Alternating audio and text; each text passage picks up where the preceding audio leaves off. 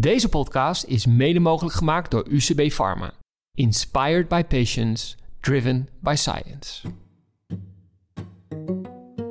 Hallo en welkom bij Skin Information, een podcastserie over dermatologische innovaties in de gezondheidszorg. En tijdens deze serie bespreken we trends en cases die onze wereld zoals we die nu kennen veranderen.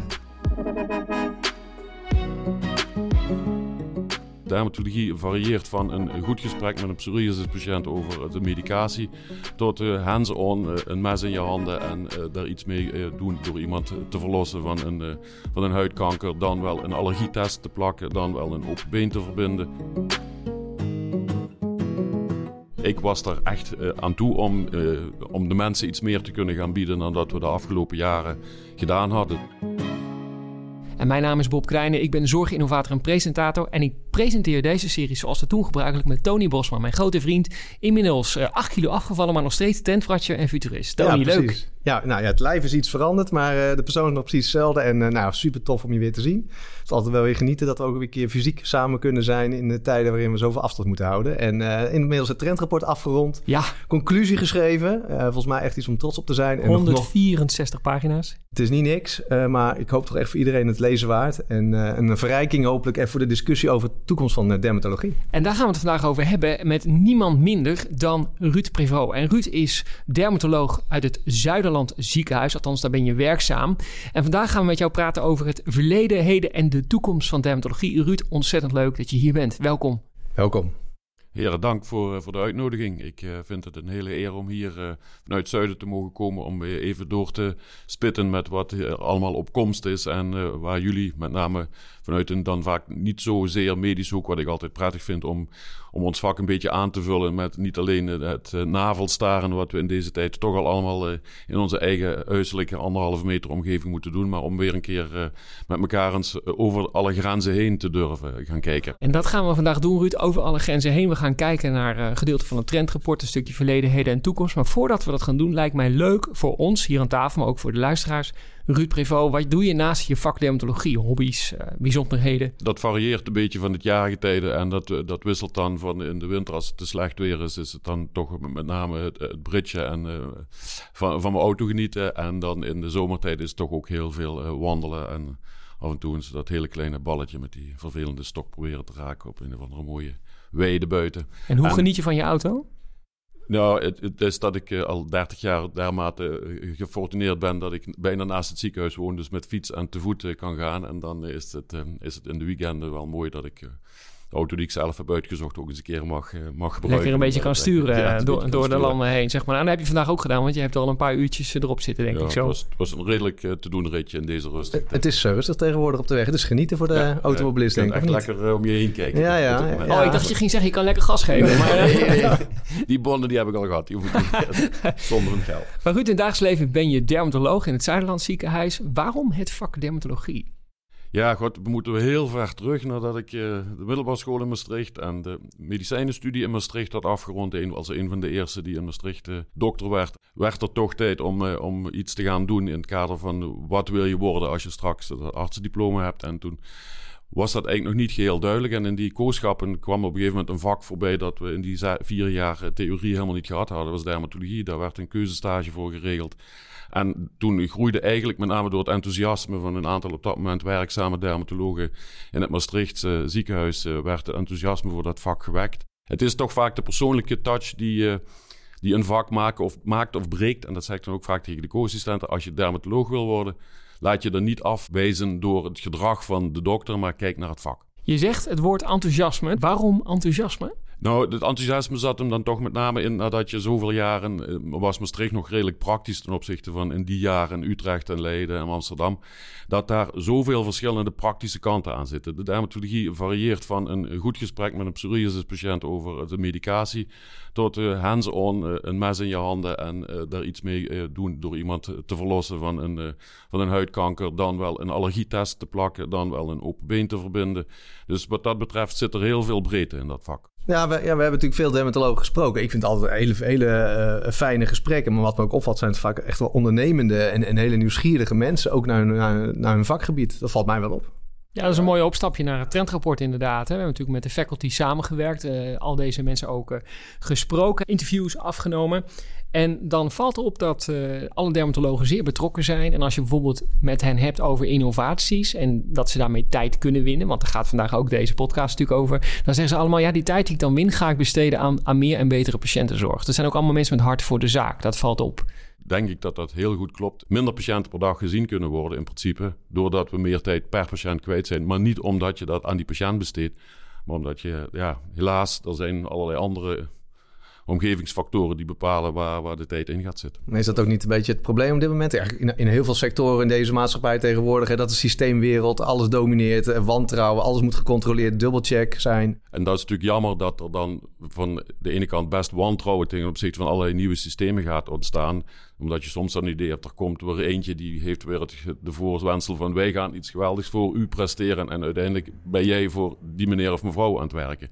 Terwijl we natuurlijk wel gewoon door moeten. Bedoel, uh, eh, 15 jaar geleden heb ik ook wel eens een keer op een punt gestaan dat ik dacht van ja, moet ik nou nog zoveel jaren alleen maar uh, tien mensen in een bed hebben liggen die, die iedere dag uh, vieze zalf krijgen en kan ik op de poli niets anders vertellen als van dit is, dit is helaas nog niet bekend hoe dit werkt, dus wij proberen nog het een en ander uit. En toen kwam er gelukkig iemand met iets nieuws. En dan... Ja, daar gaan we het vandaag natuurlijk ook over hebben. Hè? Daar spring ik meteen ook even in, want ook leuk om eens even terug te kijken van hoe dat vak dermatologie zo is ontwikkeld. Want tijdens onze gesprekken met die dermatologen vroegen wij... wat is de belangrijkste innovaties in de afgelopen jaar geweest... die je vak heeft veranderd voor je, zowel jou als de patiënt? En toen zeiden ze allemaal de komst van biologicals. Uh, die, die dag van 15 jaar geleden dat voor de eerste keer een firma met een biological bij me binnenkwam... kan ik me nog... Uh, heel goed herinneren. Ik was daar echt uh, aan toe om, om de mensen iets meer te kunnen gaan bieden dan dat we de afgelopen jaren gedaan hadden. Zowel in mijn opleiding, waar we nog in een, in een vuur in Amsterdam nog een, een, hele afdeling van, van 15 bedden hadden. We hadden zelf in de eerste jaren in, eh, in Sittard, toen ik daar met Peter Bessems werkte, ook nog vijf bedden. En die lagen altijd vol met psoriasispatiënten. En hoe zag die behandeling eruit voor de komst? Ja, dat was natuurlijk van de ene kant, wij hadden geen dagcentrum, dus we konden niet zoals een aantal centra in het land. Maar in het algemeen? in het algemeen was het natuurlijk uh, smeren, smeren, smeren. En dan uh, totdat er iets kwam van iemand wilde dan toch per se iets meer en kreeg dan vaak ja, de toch wat vervelendere uh, systemische medicaties als MTX en Neoral om even tijdelijk de zaak weer beter te krijgen. Maar de bijsluiter was voor veel mensen dan, dan toch een reden om daar niet al te lang gebruik van te maken. En dan werd er dus ook nog regelmatig iemand opgenomen en werd ingesmeerd en uh, met signoline met name. En dat waren dan toch eh, de mensen waar een afdeling eh, heel wat werk aan had. Het was ook een hele specifiek afdelingswerk wat je daarbij... Uh... Ik ben een zorginnovator. In het verleden ben ik verpleegkundige geweest. Heb op de huidafdeling gewerkt. En ik kan me herinneren dat we, in de jaren tachtig was dat, mensen met teerzalf gingen insmeren. En dan kwam je s op die afdeling en die hele afdeling rook naar teerzalf. Alsof er net geasfalteerd was. kan je je vast nog herinneren. Ja, absoluut. En dan, dan de, het bad op die afdeling was ook alleen maar bruikbaar voor de mensen met, met huidziekte. Want ieder ander vond het maar een smerig bad. Want dat is helemaal bruin omdat de, die, de verkleuring van dat spul ging uit. Die mensen konden dat ook niet thuis doen. Het was zo'n smerig spul. Hun hele huis was, zou wekenlang stinken en overal waar ze aankwamen gaf het vlekken. Het was voor de mensen een hele, zeker de psoriasis patiënt en ook eczeem, want dat mag je daar eigenlijk wel in één één ding is meenoemen. Die kregen ongeveer van dat soortzelfde uh, opnamebehandelingen. Ja, die mensen werden niet alleen doordat ze er uh, door vanwege de huidziekte al een uh, sociaal acceptabel of onacceptabel probleem hadden, kregen ze ook nog eens een keer van langs in een ziekenhuis als ze daar opgenomen waren. Ze ook een beetje de paria's die op een, soms zelfs in een apart paviljoen werden gehouden om maar niet de rest van de minder zieke uh, bevolking van zo'n ziekenhuisbank. En toen, en toen kwam, er, kwam er een innovatie dus. Uh, kun je nog herinneren wat je houding was tegenover die vernieuwingen? Was, was er eerst was er scept, sceptisch? Of? Helemaal niet. Ik was daar helemaal uh, open voor. Ik stond er echt helemaal open voor. En ik heb denk ik ook in de landen als een van de perifere eersten ben ik daar vol ingedoken en heb dat gedaan. Hoewel er toen in die jaren, en ik snap dat achteraf ook wel, op dat moment was ik natuurlijk nog een stuk jonger en wat rebelser en had ik altijd van ja, maar als het van anderen niet mag, dan moet je het mij vooral uh, geven, want dan probeer ik het zeker uit. Er waren natuurlijk wel trends vanuit de academie om te zeggen van dit is zo'n specifiek spul, alle gevaren van dien en let op, let op en laat ons het ja, nu alleen de, maar was de weerstand ook? Nou ja, weerstand, weerstand ik skep, ja skepsis en misschien ook een, een, een, terechte voorzichtigheid om te zeggen van ja, het kan wel zo zijn dat de reuma er nu al wat ervaring mee heeft, maar onze patiëntengroep is toch anders. En ik werd natuurlijk na een bepaalde tijd ook een heel klein beetje geleugen gestraft. Er is ooit één product geweest waarbij echt dooien zijn gevallen en wat van de markt is gehaald. Dus er is wel een moment geweest dat wij als dermatologen daar heel even met de voeten op de grond zijn teruggekomen om te zeggen van het is perfect en dat wat we mensen nu te bieden hebben is echt van mensen praten over een leven voor het spuitje en een leven sinds het spuitje. Zijn er toch wel bedenkingen bij. Dus let wel iedere keer een beetje op. Ja, want dat hoorden wij dus ook. In eerste instantie voor de patiënten was dit natuurlijk een totale omslag. Van smeren, smeren, smeren naar uh, zeg maar centraal behandelen met MTX of andere producten die ook wel, behoorlijk wat neveneffecten hebben. Naar een middel, wat natuurlijk ook wel neveneffecten had, maar de huid werd schoon, werd weer strak. Wat, wat, deed het voor patiënten? Ja, zoals ik al zei, de mensen waren er, degene die het aandurfden. Dat durfde ook niet iedereen aan op dat moment, omdat het nog te nieuw was. En de mensen willen toch graag van jou horen dat je het in de vingers hebt, dat je er ervaring mee hebt. En dat je ze iets kunt bieden vanuit jouw ervaringssfeer. Ja, dat kun je ze dan op dat moment gewoon niet. Dat moet je dan ook eerlijk zeggen.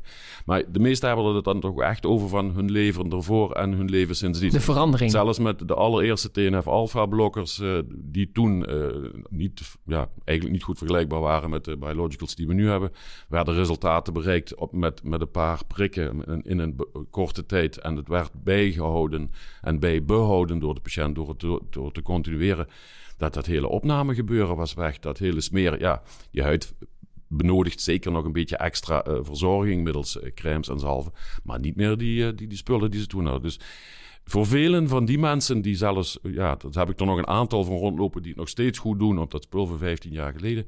Die zijn er nog steeds, ja, heel, heel, heel tevreden over. Er is echt een voor en een na. En er is echt een voor en een na voor patiënten, maar ook voor de dermatologen. Want ik kan me herinneren uit de interviews die we hadden eh, voor het trendrapport, dat dermatologen zeiden tegen ons van ja, maar dat straalde ook af op ons als specialist. We hoorden er in één keer bij. Ja, dat is natuurlijk een hele dubbele. We hoorden erbij omdat we nou eindelijk iets anders konden zeggen van ja... Uh, uh, wij weten de oorzaak niet en uh, we proberen wel iets. Maar van de andere kant, wat daar natuurlijk het dubbele aan is, is dat je in het ziekenhuis er dus pas bent gaan bijhoren op het moment dat je heel veel geld begon uit te geven. Ah. Want wij waren natuurlijk op dat moment degene die van een budget van drie keer niks plotseling uh, giga-aanspraak gingen maken op het ziekenhuis medicijnenbudget. Met fantastisch resultaat. Met iets wat je heel goed kon uitleggen aan de apotheker en de, en, en de geneesmiddelencommissie. Maar waar ze toch nog altijd zaten van ja, maar wacht even, we hebben wel een bepaald budget. En jullie gaan dan nu ook uit die ruif meepikken. En we hebben natuurlijk nog oncologen daar gaan de mensen dood aan. Jullie ziekte gaan de mensen niet dood. Dus je hebt altijd toch weer, dan weer een beetje een achterstand in het kader van hoe verdedig ik mijn plek nu. Maar goed. Desalniettemin zie ik nog steeds een grote smile op je gezicht als je het erover ik hebt. Ik ben er nog steeds blij mee dat we het mogen gebruiken. En ik, je kunt mij ook vragen om dat te verdedigen binnen de Geneesmiddelencommissie.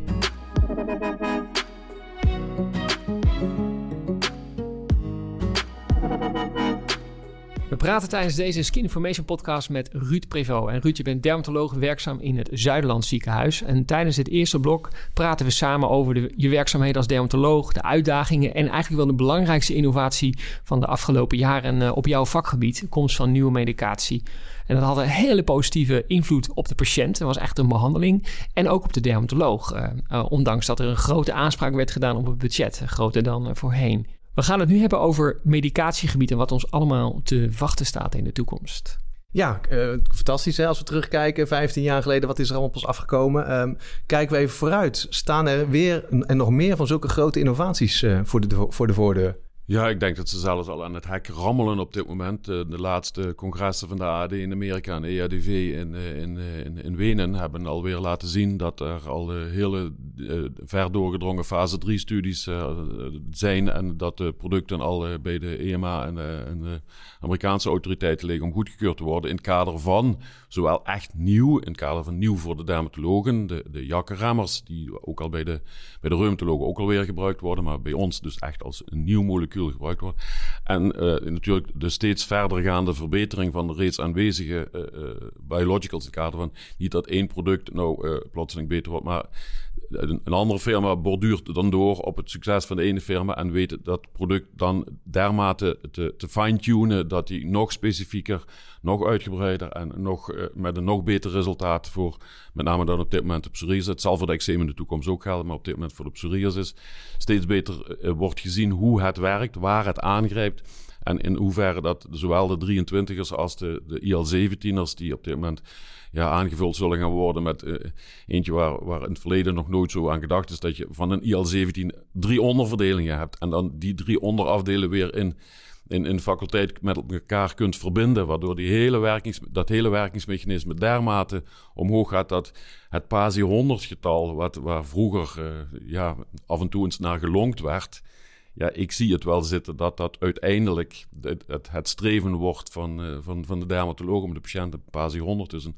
volledige clearance van zijn huid, te kunnen gaan bieden. En ook te kunnen laten houden. En dus dat betekent voor patiënten eigenlijk nog een stapje ja. beter. Ja, ze zullen er echt nog een stapje meer uh, succes bij hebben. Wel, nogmaals, het blijft natuurlijk toch van onze kant uit samen met die patiënt een onderhandelingspositie van hoe ver wil je komen? Wil je nou echt alles kwijt? Of ben je. Uh, ik heb echt nog mensen van 15 jaar geleden die best nog wel wat plekken hebben, maar dermate tevreden zijn over hoe hun leven er nu uitziet van daarvoor. Dat ze zeggen: van, Nou, ik vind dit prima. Ik hoef geen nieuwe producten. Dit ken ik nu 15 jaar. Daar doe ik het goed op en laat me hier maar staan. Die paar plekjes die ik heb, die smeer ik bij. Dat is geen Pasi 100. En toch is die mens tevreden. En daar denk ik. Maar goed, ik, ik, ik heb altijd het gevoel gehad dat wij als dermatologen daar uh, altijd heel goed naar luisteren van wanneer wil de patiënt iets en wanneer is hij tevreden. En het aanbieden van die PASI 100 is mooi, maar het bereiken van die PASI 100 is ook mooi, maar is niet voor iedere patiënt het ultieme streven in zijn of haar leven. Wat me ook in die gesprekken altijd wel erg opviel, is dat er heel erg ook vanuit, en dat is logisch, hè, zo zijn dermatologen opgeleid, heel erg vanuit de medisch-technologische innovatie wordt gesproken. Kijken we terug ook naar dit gesprek, weet je, en dan kun je afvragen van, vergeten we niet iets heel fundamenteels. Want als je dan al, al, die, al die dermatologen vraagt, als we kijken naar terug naar de toekomst, ja, we hebben een fantastische medisch-technologische doorbraak gehad. Maar als je kijkt hoe wij met de patiënt omgaan, is er eigenlijk helemaal niks veranderd in 20 jaar. En, en, moet daar niet iets veel fundamenteels gebeuren? En moeten we ook niet veel, veel meer kijken naar een, een, een hele we, zijn reactief bezig als zorgsysteem. En we hebben het over stijgende zorgkosten. En dat moet fundamenteel veranderen. En daar zeggen, zeggen ook heel veel dermatologen... ja, daar moeten de innovaties... naast natuurlijk die medisch-technologische... daar moet meer gebeuren. Klopt, maar dan, dan heb je dus buiten... Uh, wat we tot nu toe al bereikt hebben... is de psychodermatologie en de milieufactoren... en het eten, maar ook als een deel van het milieu... zijn dan een van de weinige dingen... waar je nog preventief als patiënt zelf iets mee zou kunnen dan dus de, innovatie in een skin-app en het monitoren van patiënten is natuurlijk alleen maar een uitbreiding van je gewoon medisch-technisch arsenaal wat je nu al hebt. Dus daar, als er nog innovatie op, op gebied van deze huidaandoeningen voor de komende jaren komt, dan hoop ik dat de mensen die zich inderdaad nu richten op natuurlijk de psychodermatologie, want het is uh, kip en ei. Je voelt je slechter en je ziet er slechter uit, of je ziet er slechter uit en je voelt je slechter. Nou ja, dat lijkt mij duidelijk. Maar de invloed van uh, je darmflora, je huidflora, de, de, de, de, de, de luchtvervuiling en dat soort dingen. Dat, dat, ja, ben bang, of ben, ik hoop, ben bang dat het nog een tijdje gaat duren, maar ik hoop wel dat men dit, pad ook gaat bewandelen voor de komende tijd. Merk jij in de praktijk dat patiënten bij je komen met een app of met een, uh, met een bepaalde website dat ze iets hebben gezien qua innovatie en dat ze tegen, tegen een dokter, zou dit iets voor mij kunnen zijn? Bij de, bij de psoriasis is niet zozeer. Dit zit hem dan toch meer met de mensen met de moedervlekken. De echte Skin Vision app is in dat CZ-gebied waar wij ons ziekenhuis hebben liggen natuurlijk. Eh, die wordt gratis door de CZ uitgedeeld aan de mensen die bij hun verzekerd zijn. En dat is voor bij ons 80% van de verzekerden. Dus die hebben allemaal wel een keer een foto gemaakt van hun moedervlek. En hebben dat beoordeeld gekregen door zowel artificial intelligence van de CZ als een dermatoloog die daar ook aan meewerkt. En komen dan, als ze al de huisarts gepasseerd zijn, ook nog eens een keer bij ons. Dus ja, wij zien die wel, maar eh, tot nu toe zie ik ze maar heel beperkt in het kader van... Ik zie minder enthousiasme als toen je het net over biologicals had. Ik zie eh, dat ehm, toch veel mensen uh, daar een bepaalde waarde aan hechten, terwijl toch hele goede artikelen in de British Medical Journal hebben gestaan, of Medical Journal of Dermatology, dat die apps zeker tot op dit moment en daarom moet je er niet mee stoppen, moet je ze gewoon verder ontwikkelen. Maar op dit moment nog lang niet de specificiteit en de sensitiviteit hebben die je zou wensen. Maar het bewust maken en het alert maken van de mensen op het feit dat hun vlekjes wel eens iets meer zouden kunnen zijn dan vlekje. Dat is wel een hele positieve spin-off van dit soort ontwikkelingen. Ja, maar als je kijkt naar dit soort ontwikkelingen, ze zeggen natuurlijk altijd, hè, als je kijkt naar technologie, je verwacht te veel in één jaar, onvoldoende in tien. Dus hoe, ziet, hoe zien die apps er over tien jaar uit? Dan hebben we het dan eens meer over apps volgens mij, want dan heb je weer hele andere systemen en sensoren. Uh, en, en, wat betekent het? Er komt natuurlijk een hele generatie nieuwe, nieuwe patiënten komt eraan. Ja, die echt heel anders met informatie omgaat. Uh, dit soort dingen wel gaat omarmen. Ja, en wat betekent het dan voor het werkveld van een dermatoloog? Ja, de hoop is dat, dat, dat, waar ik ook altijd prijs op heb gesteld, dat iemand tegenover je zit waar je op redelijk gelijkwaardig niveau mee kunt praten over zijn of haar uh, probleem. Dus dat je wel een gesprek van één op één krijgt en niet alleen maar van, dokter, u bent de deskundige, dus zegt u het maar wat ik moet gaan doen. Dat je ook kunt teruggeven, luister, zus en zus en zo, dit is mijn ervaring, zo zijn de spullen, wat weet je er zelf van, waar liggen je vragen en dan vind ik dat ook een veel aangenamer gesprek als alleen maar de, de leermeester uit te hangen die gaat vertellen wat er gebeuren moet. Zou je kunnen voorstellen in de toekomst dat je een gesprek gaat hebben met je AI, je patiënt en jij? Ja, absoluut. Ik, ik, ik denk van alle ontwikkelingen die ik in het, uh, in het rapport gelezen heb, dat met name de artificial intelligence, die natuurlijk met die, die, die data load die overal ligt, beetje, eh, een beetje in het achterhoofd houden dat die wel door de juiste mensen gebruikt gaat worden in de toekomst, dat daar heel veel uh, positiviteit uit te halen gaat. Ja, de, de, de trend is natuurlijk deep patients, heet het tegenwoordig. Hè, ze het uh, al gaan noemen. Dat al je medische records continu worden geanalyseerd door algoritmes op de achtergrond. Gekoppeld aan je leefstijl. Hè, met met uh, sensoren in je kleding en alles op. En die zitten gewoon allemaal te continu te monitoren. En dan gaan ze zeggen van, van nou, op basis van wat jij nu allemaal doet, zijn deze medicijnen voor jou het beste met deze werking. Dus dat gaat echt gaat heel ver. Die, de term is er al. Dat vind ik interessant, vind ik altijd. Als de term er is, is de technologie nog verder. Ja, dat zou het aller, allermooiste zijn als je een patiënt binnenkrijgt die op de een of andere manier al een meting heeft gedaan of waarbij je nou, waarbij ik wat bloed laat prikken en je daardoor genoeg weet om te zeggen van ja, jij moet dus in, of moet, het advies blijft in dit geval dat jij liever eh, product X dan met product Y uh, voor, uh, voor jouw aandoening gaat werken. En dan, dan, als je dan nog verder gaat, ja, komen we ooit een keer, want genezen doen we nog steeds niemand met dit soort chronische aandoeningen. Kun je nog een keer zo ver dat zo iemand ja, van die kwaal echt afkomt. Dat zou natuurlijk... Maar ik omarm zeker... Bedoel, om de zoveel tijd is het gewoon voor ieder vak mooi om eventjes uh, de, jeugd met name natuurlijk een beetje op één lijn te krijgen. Dat ze met name met z'n allen weer eens voor, voor het nieuwe van het vak willen gaan.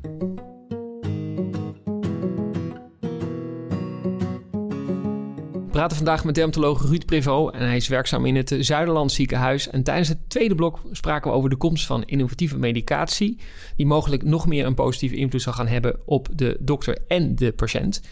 En tijdens dit derde en laatste blok gaan we met Ruud hebben over een aantal trends uit het trendrapport. Ruud, jij hebt het trendrapport gelezen, 164 pagina's. Jouw eerste indruk? Mijn eerste indruk is uh, met name dat ik blij ben dat er nu een stuk ligt dat handen en voeten krijgt. En handen en voeten heeft gekregen door, uh, door medewerking van, uh, van dermatologen zelf. En ik zie in alle punten die hier genoteerd zijn, zie ik inderdaad kansen voor de toekomst. In meerdere of mindere mate. Maar ze zijn allemaal zeer reëel. Oké, ja, laten we er een paar aan jou, aan jou voorleggen. Gewoon even kijken hoe jij daarop op reageert. We, in, onder andere hebben we beschreven hè, de, de, omslag die we zien gebeuren van een, van een reactieve systeem naar een prescriptief, moeilijk woord. Maar er wordt niet alleen voorspeld wat er met jou kan gebeuren, maar er wordt ook gezegd: als, als je dit gedrag blijft voortzetten, dan, eh, dan moet je dit soort medicijnen waarschijnlijk gaan nemen. Dus dan moet je ook deze acties gaan ondernemen. En dat is heel vaak gedigitaliseerd. Uh, hoe zie jij dat? Ja, die, die adviserende rol denk ik dat heel belangrijk wordt. In, uh, zeker in combinatie met het uh, heel goed in uh, zelfregie van de patiënt uiteindelijk toch die keus samen met de patiënt maken. Dus het wordt een heel um, wat ingewikkelder samenspel tussen de, de, de, kennis die de patiënt zelf al heeft, die die zelf zich toe-eigent, waar die mee komt, waar die aan durft te werken en waar wij uit onze ervaring en kennis daarin uh, in meegaan, CQ adviezen gaan geven. En dan liggen die adviezen niet alleen maar meer van je moet medicijn, medicijn X en Y gebruiken, die zitten zeer zeker ook in, ja, in, in het preventieve sfeer. Met als natuurlijk grootste voorbeeld wat we nu al doen is het let op met de zon, punt. De volgende die ik aan je ga voorleggen is medicijn versus precisiemedicijn. Welke kies je en waarom? We zijn natuurlijk al, al jaren met elkaar over uh, patient-tailored medicine bezig. Dat je ieder medicijn zo kunt uh, fabriceren dat het bij de patiënt en zijn genetische opmaak past. En dat je niet de 80-20 regel iedere keer toepast. Je begint met een product en 80% doet het goed en 20%, ja, 1 op de 5 doet het gewoon hier niet op. Dat, daar waarschuw je de patiënt voor en na zoveel tijd zet je hem op iets anders. Het zou heel mooi zijn als we die trial en error fase een keer helemaal achter ons zouden kunnen laten. Maar zover zijn we helaas nog steeds niet. Wereldwijd een van de grootste start-ups die het meest gefund is in de zorg, is een start-up die met 3D-printing, uh, waarbij dus uh, op basis van DNA van een, uh, van een patiënt gepersonaliseerde medicijnen worden 3D-print. En die kunnen die printers gewoon in de leegstaande winkels, in de winkelstraat inmiddels al neerzetten. Ze zijn heel klein. En die willen vervolgens willen ze die met drones bij de patiënt binnen een half uur voor de voordeur zetten. Dus en dat wordt een, op dit moment is dat een van de start-ups die het meest wordt geïnvesteerd. Ruud, de volgende omslag is systeemgedreven. Gaan we naar patiënt in de regie. Welke kies je en waarom? Patiënt in de regie, omdat ik daar uh, zeker al mee gewend ben. En omdat ik ook gelukkig die keuzevrijheid tussen systeem en patiënt uh, kan maken. Doordat je in een gesprek met een patiënt gewoon kunt uitleggen dat de patiënt ook zelf keuzes mag maken in deze tijd. Voor een groot gedeelte. Nog niet helemaal. Er zitten ook wel allerlei factoren rondom. Maar in principe is hoe langer hoe meer een normaal normale Nederlander die patiënt wordt, wel nog uh, in, in, in charge van zijn eigen data, zijn eigen keuzes en zijn eigen gegevens. Tony, ik hoorde de dokter zeggen, nog niet helemaal. Nee, ja, volgens mij is het, wordt het heel veel gezegd, maar is het de vraag of het daadwerkelijk gebeurt. Dus, hè, dus even, om even kritisch te zijn. Uh, en de andere vraag is natuurlijk ook, kunnen patiënten het überhaupt? En als je aan patiëntenorganisaties vraagt, dan is, wordt er heel veel gezegd... ik heb vooral behoefte aan een, aan een arts die luistert namen die echt kan luisteren. En dat schijnt blijkbaar aan een schaarste aan nog steeds in deze samenleving. Uh, en als je naar de toekomst kijkt, moet je niet alleen maar naar de patiënt luisteren, maar moet je meteen ook naar zijn algoritme luisteren die zijn medische data heeft. Ruud, volgende omslag is uh, behandeling versus leefstijl. Kies er een en waarom? Ik zou willen dat, dat de leefstijl een veel grotere impact zou hebben eh, op, op dermatologische aandoening. In zoverre dat je dan ook terug kon geven aan de patiënt. Als je dit doet, krijg je daar de beloning voor doordat je minder last hebt van die ziekte. En ik je minder van al mijn spullen hoef te gaan voorschrijven. Leefstijl, Tony?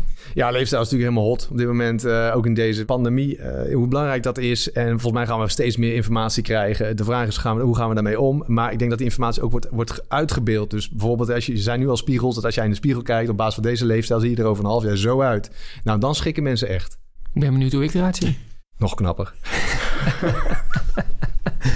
Als laatste, Ruud. One size fits some en one size fits none. Welke kies je en waarom? Ik, ik zie daar toch...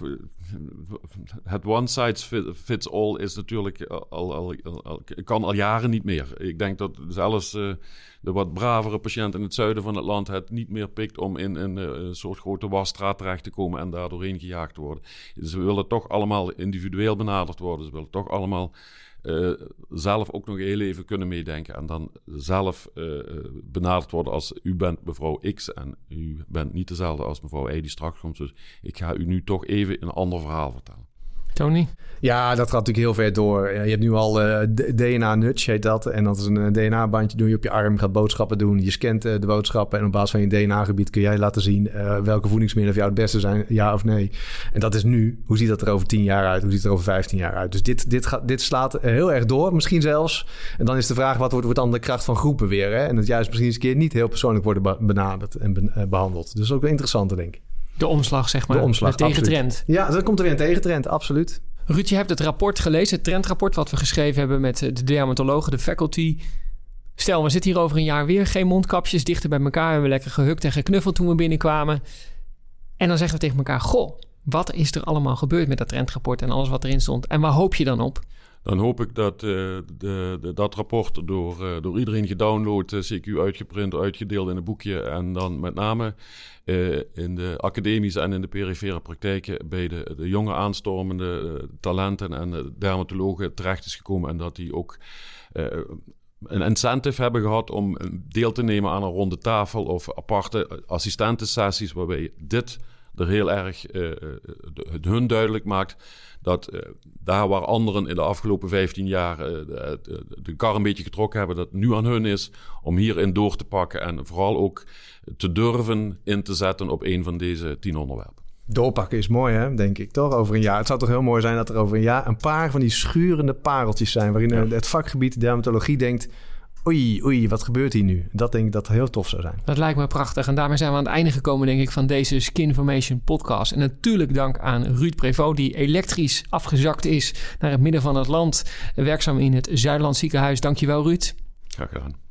En natuurlijk Hugo, dank voor de techniek en de editing. En luisteraar, alvast bedankt voor het luisteren. En mocht je willen reageren, dan kan dat door te mailen naar info at medicalinnovationcompany.com.